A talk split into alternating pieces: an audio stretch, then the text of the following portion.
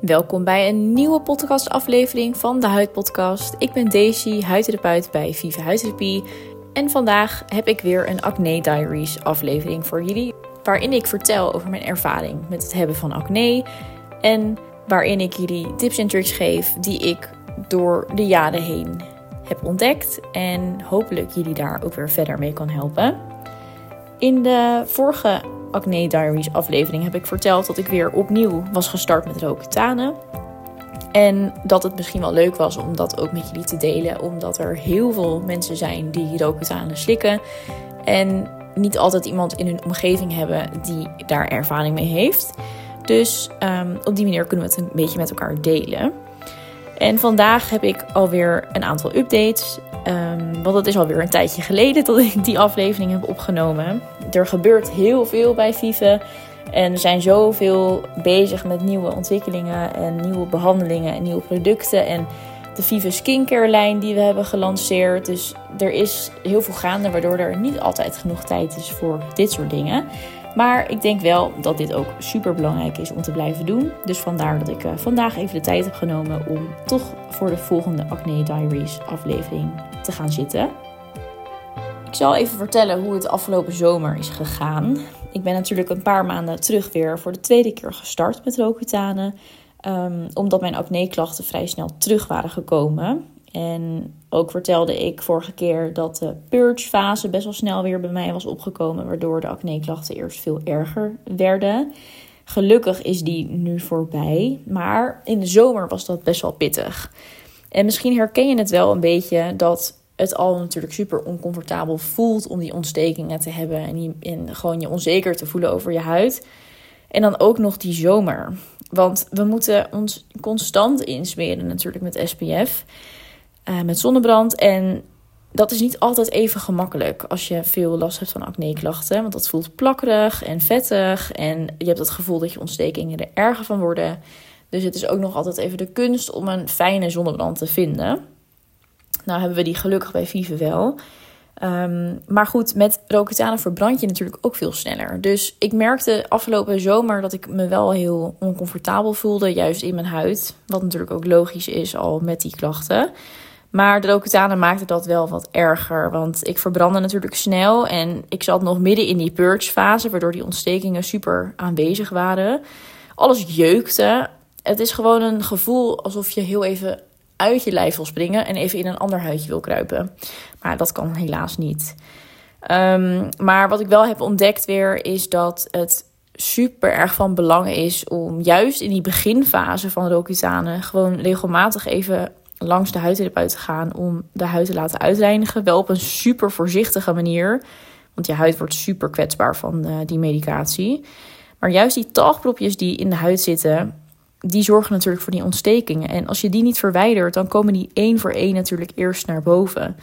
Uh, en dat maakt de Roaccutane-kuur best wel, nou ja, psychisch ook best wel pittig voor veel uh, meiden en jongens omdat eerst al die troep eruit moet. En door even in het begin regelmatig wat behandelingen te ondergaan, waarbij je die talgpropjes gewoon professioneel laat verwijderen, ja, maak je die purgefase echt een stuk draaglijker. Dus ik raad het enorm aan om in ieder geval even langs een huidtherapeut te gaan.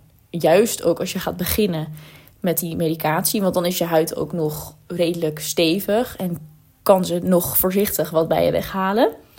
Um, zodat je het gewoon wat, wat draaglijker maakt in het begin. Nou, dat heb ik in de zomer gelukkig uh, kunnen doen. Vief heeft me een aantal keer uh, behandeld. En um, daardoor is die vervelende fase al heel snel eigenlijk verdwenen.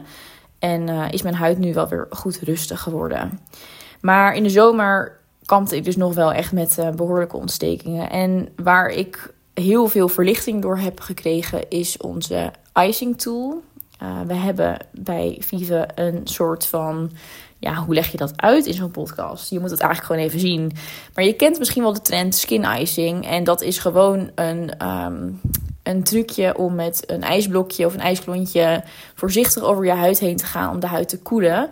Um, en dat remt ontsteking, brengt verlichting aan die jeuk en aan het branderigheid. Maar het geeft je huid ook gewoon een mooie glow, omdat dat helpt met hydratatie.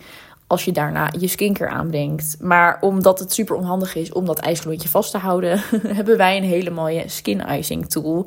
En dat is eigenlijk een soort van bolletje die je vult met water en in de vriezer legt. Waardoor je een hele mooie gladde bol overhoudt om mooi over je huid heen te gaan. Nou, die heb ik gewoon meegenomen op vakantie en dat gaf me zoveel verlichting. Heb je dan echt pijnlijke ontstekingen, dan is dat echt een aanrader.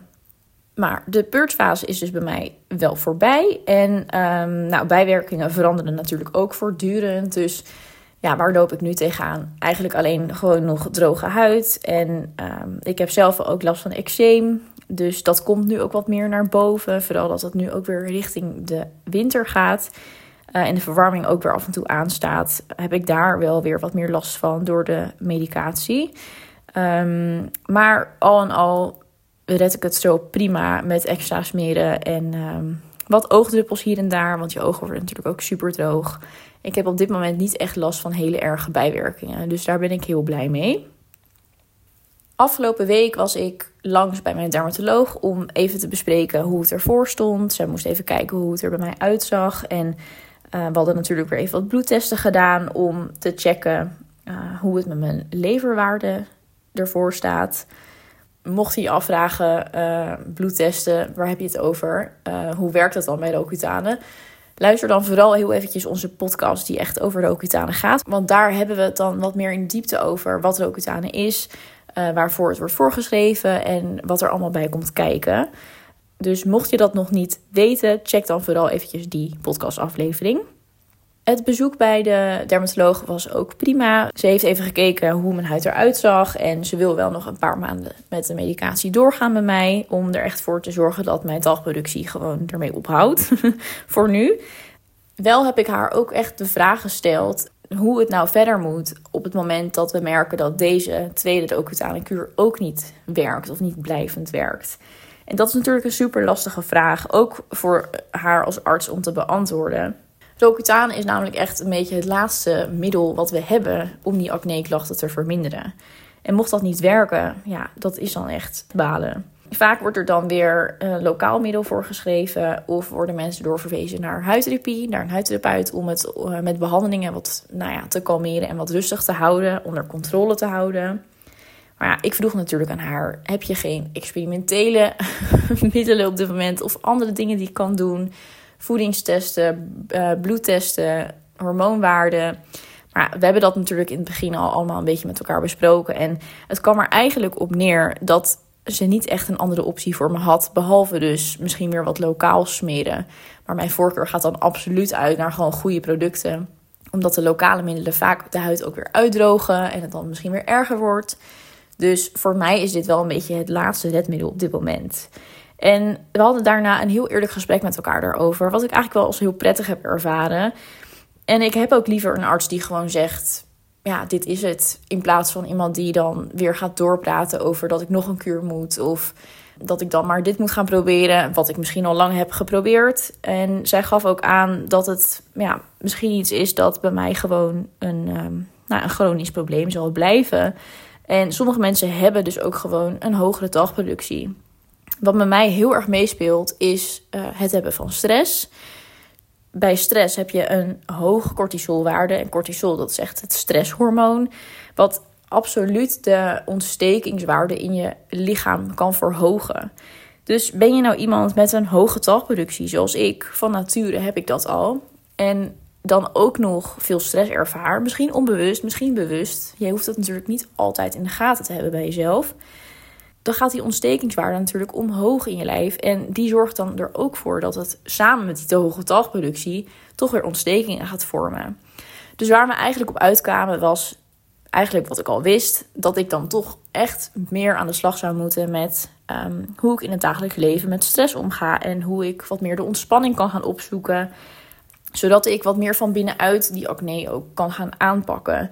En dat is natuurlijk veel makkelijker gezegd dan gedaan je zal jezelf dan namelijk toch echt weer helemaal een soort van opnieuw moeten programmeren hoe je met bepaalde dingen omgaat.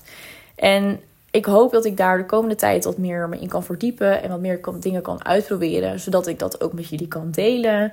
Nou had mijn dermatoloog niet echt specifieke tips daarvoor. Dat is natuurlijk ook niet haar expertise. Maar het is wel iets wat me even aan het denken heeft gezet. En waar ik binnenkort echt eventjes naar wil kijken.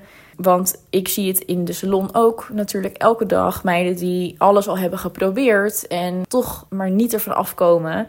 Het is ook belangrijk om een soort acceptatie te gaan ontwikkelen voor dit huidprobleem. We kijken vaak naar acne als iets wat echt weg moet, wat fout is, wat verkeerd is, wat vies is. Terwijl als we kijken naar iemand die eczeemklachten heeft, dan hebben we daar veel meer uh, begrip voor. Of dan kijken we er heel anders naar. Ja, diegene heeft last van eczeem, daar kan hij niks aan doen.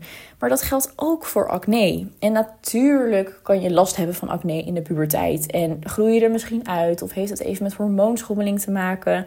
Maar bij veel mensen is het echt een chronisch probleem. En ik denk dat we daar veel meer aandacht aan mogen geven ik merk het ook bij mezelf. Als ik last heb van mijn eczeem of psoriasis, dat komt dan nu vooral ook weer opzetten in de winter.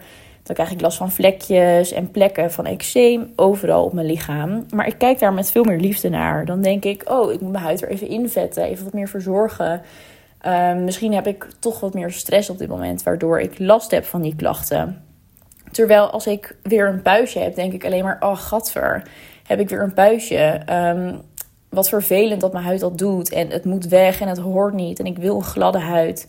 Maar in feite is het voor mijn lichaam eigenlijk hetzelfde als die uiting van eczeem en psoriasis. En zou ik het graag ook op die manier willen leren bekijken.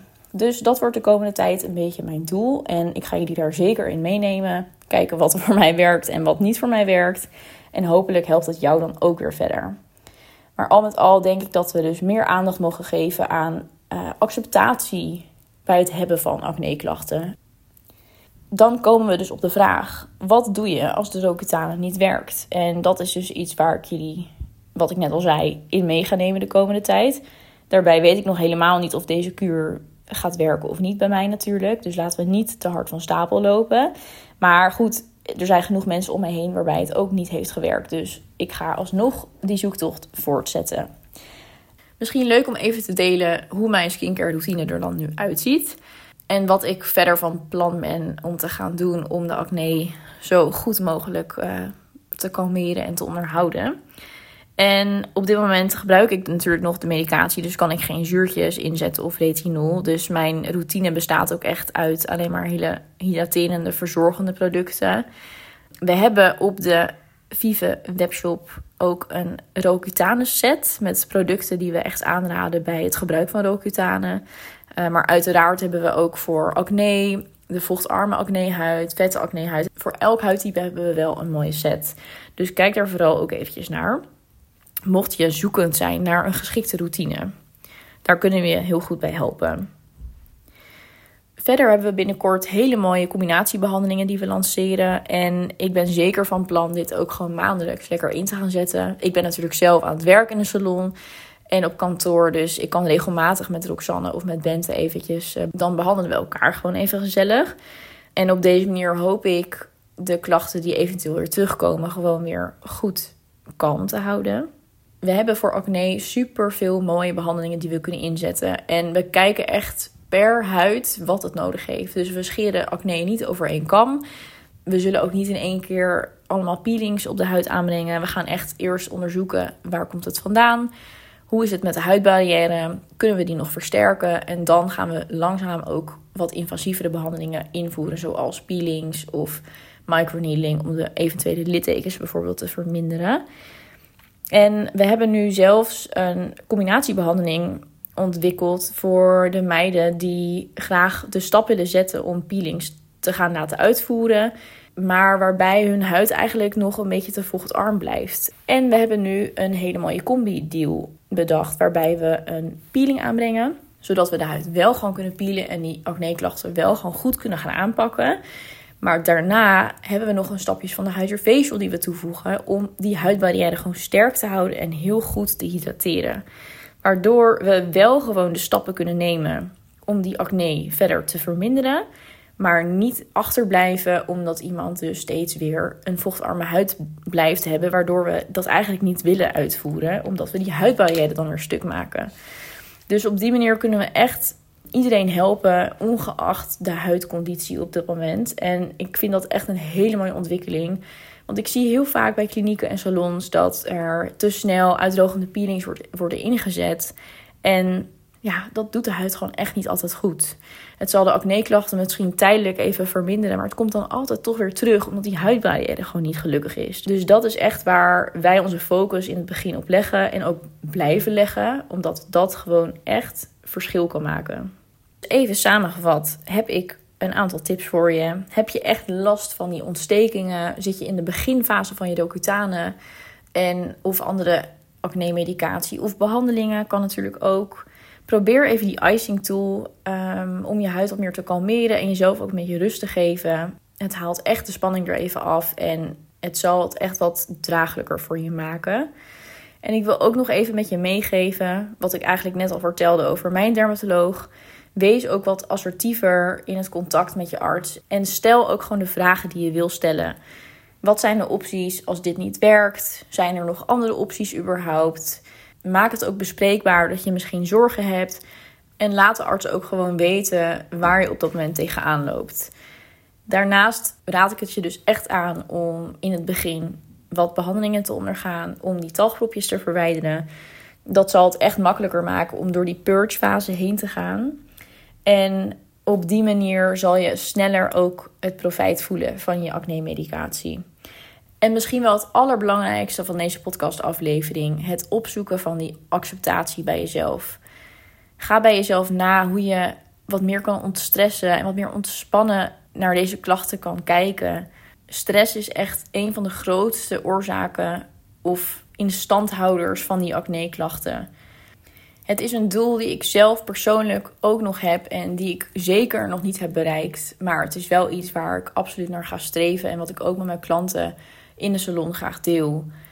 Je hoeft je niet neer te leggen bij de klachten, maar door er zoveel weerstand naar te voelen, zullen die klachten erger worden en zal je ook zeker niet gelukkiger worden. Als we proberen met wat meer liefde naar onze huid te kijken en ook te gaan realiseren dat die acne-klachten er zijn en dat die er ook mogen zijn en dat de perfecte huidjes die je ziet op social media ook gewoon heel vaak bewerkt zijn en dat je hun pukkelige dagen ook niet ziet.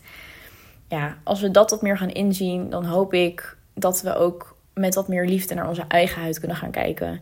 En dat is waarom deze podcastserie van de Huidpodcast ook zo belangrijk is. Dat we dit soort dingen gewoon met elkaar bespreken. En het niet alleen hebben over welk product jouw acne het meeste gaat verminderen. Dit is net zo belangrijk, als niet misschien belangrijker. Heb jij onze hulp nodig met het zoeken van de producten die nu op dit moment bij je huid passen? Heb je informatie nodig over behandelingen? Of vind je het fijn om juist over dit onderwerp misschien meer te weten? Om daar misschien wat meer begeleiding bij te krijgen? Laat het ons weten. Stuur ons gerust een mailtje. En dan komen we gewoon zo snel mogelijk bij je terug. En ehm, het Vive-team staat voor je klaar. Ik hoop dat je wat hebt gehad aan deze podcastaflevering vandaag. Bedankt voor het luisteren en hopelijk tot snel.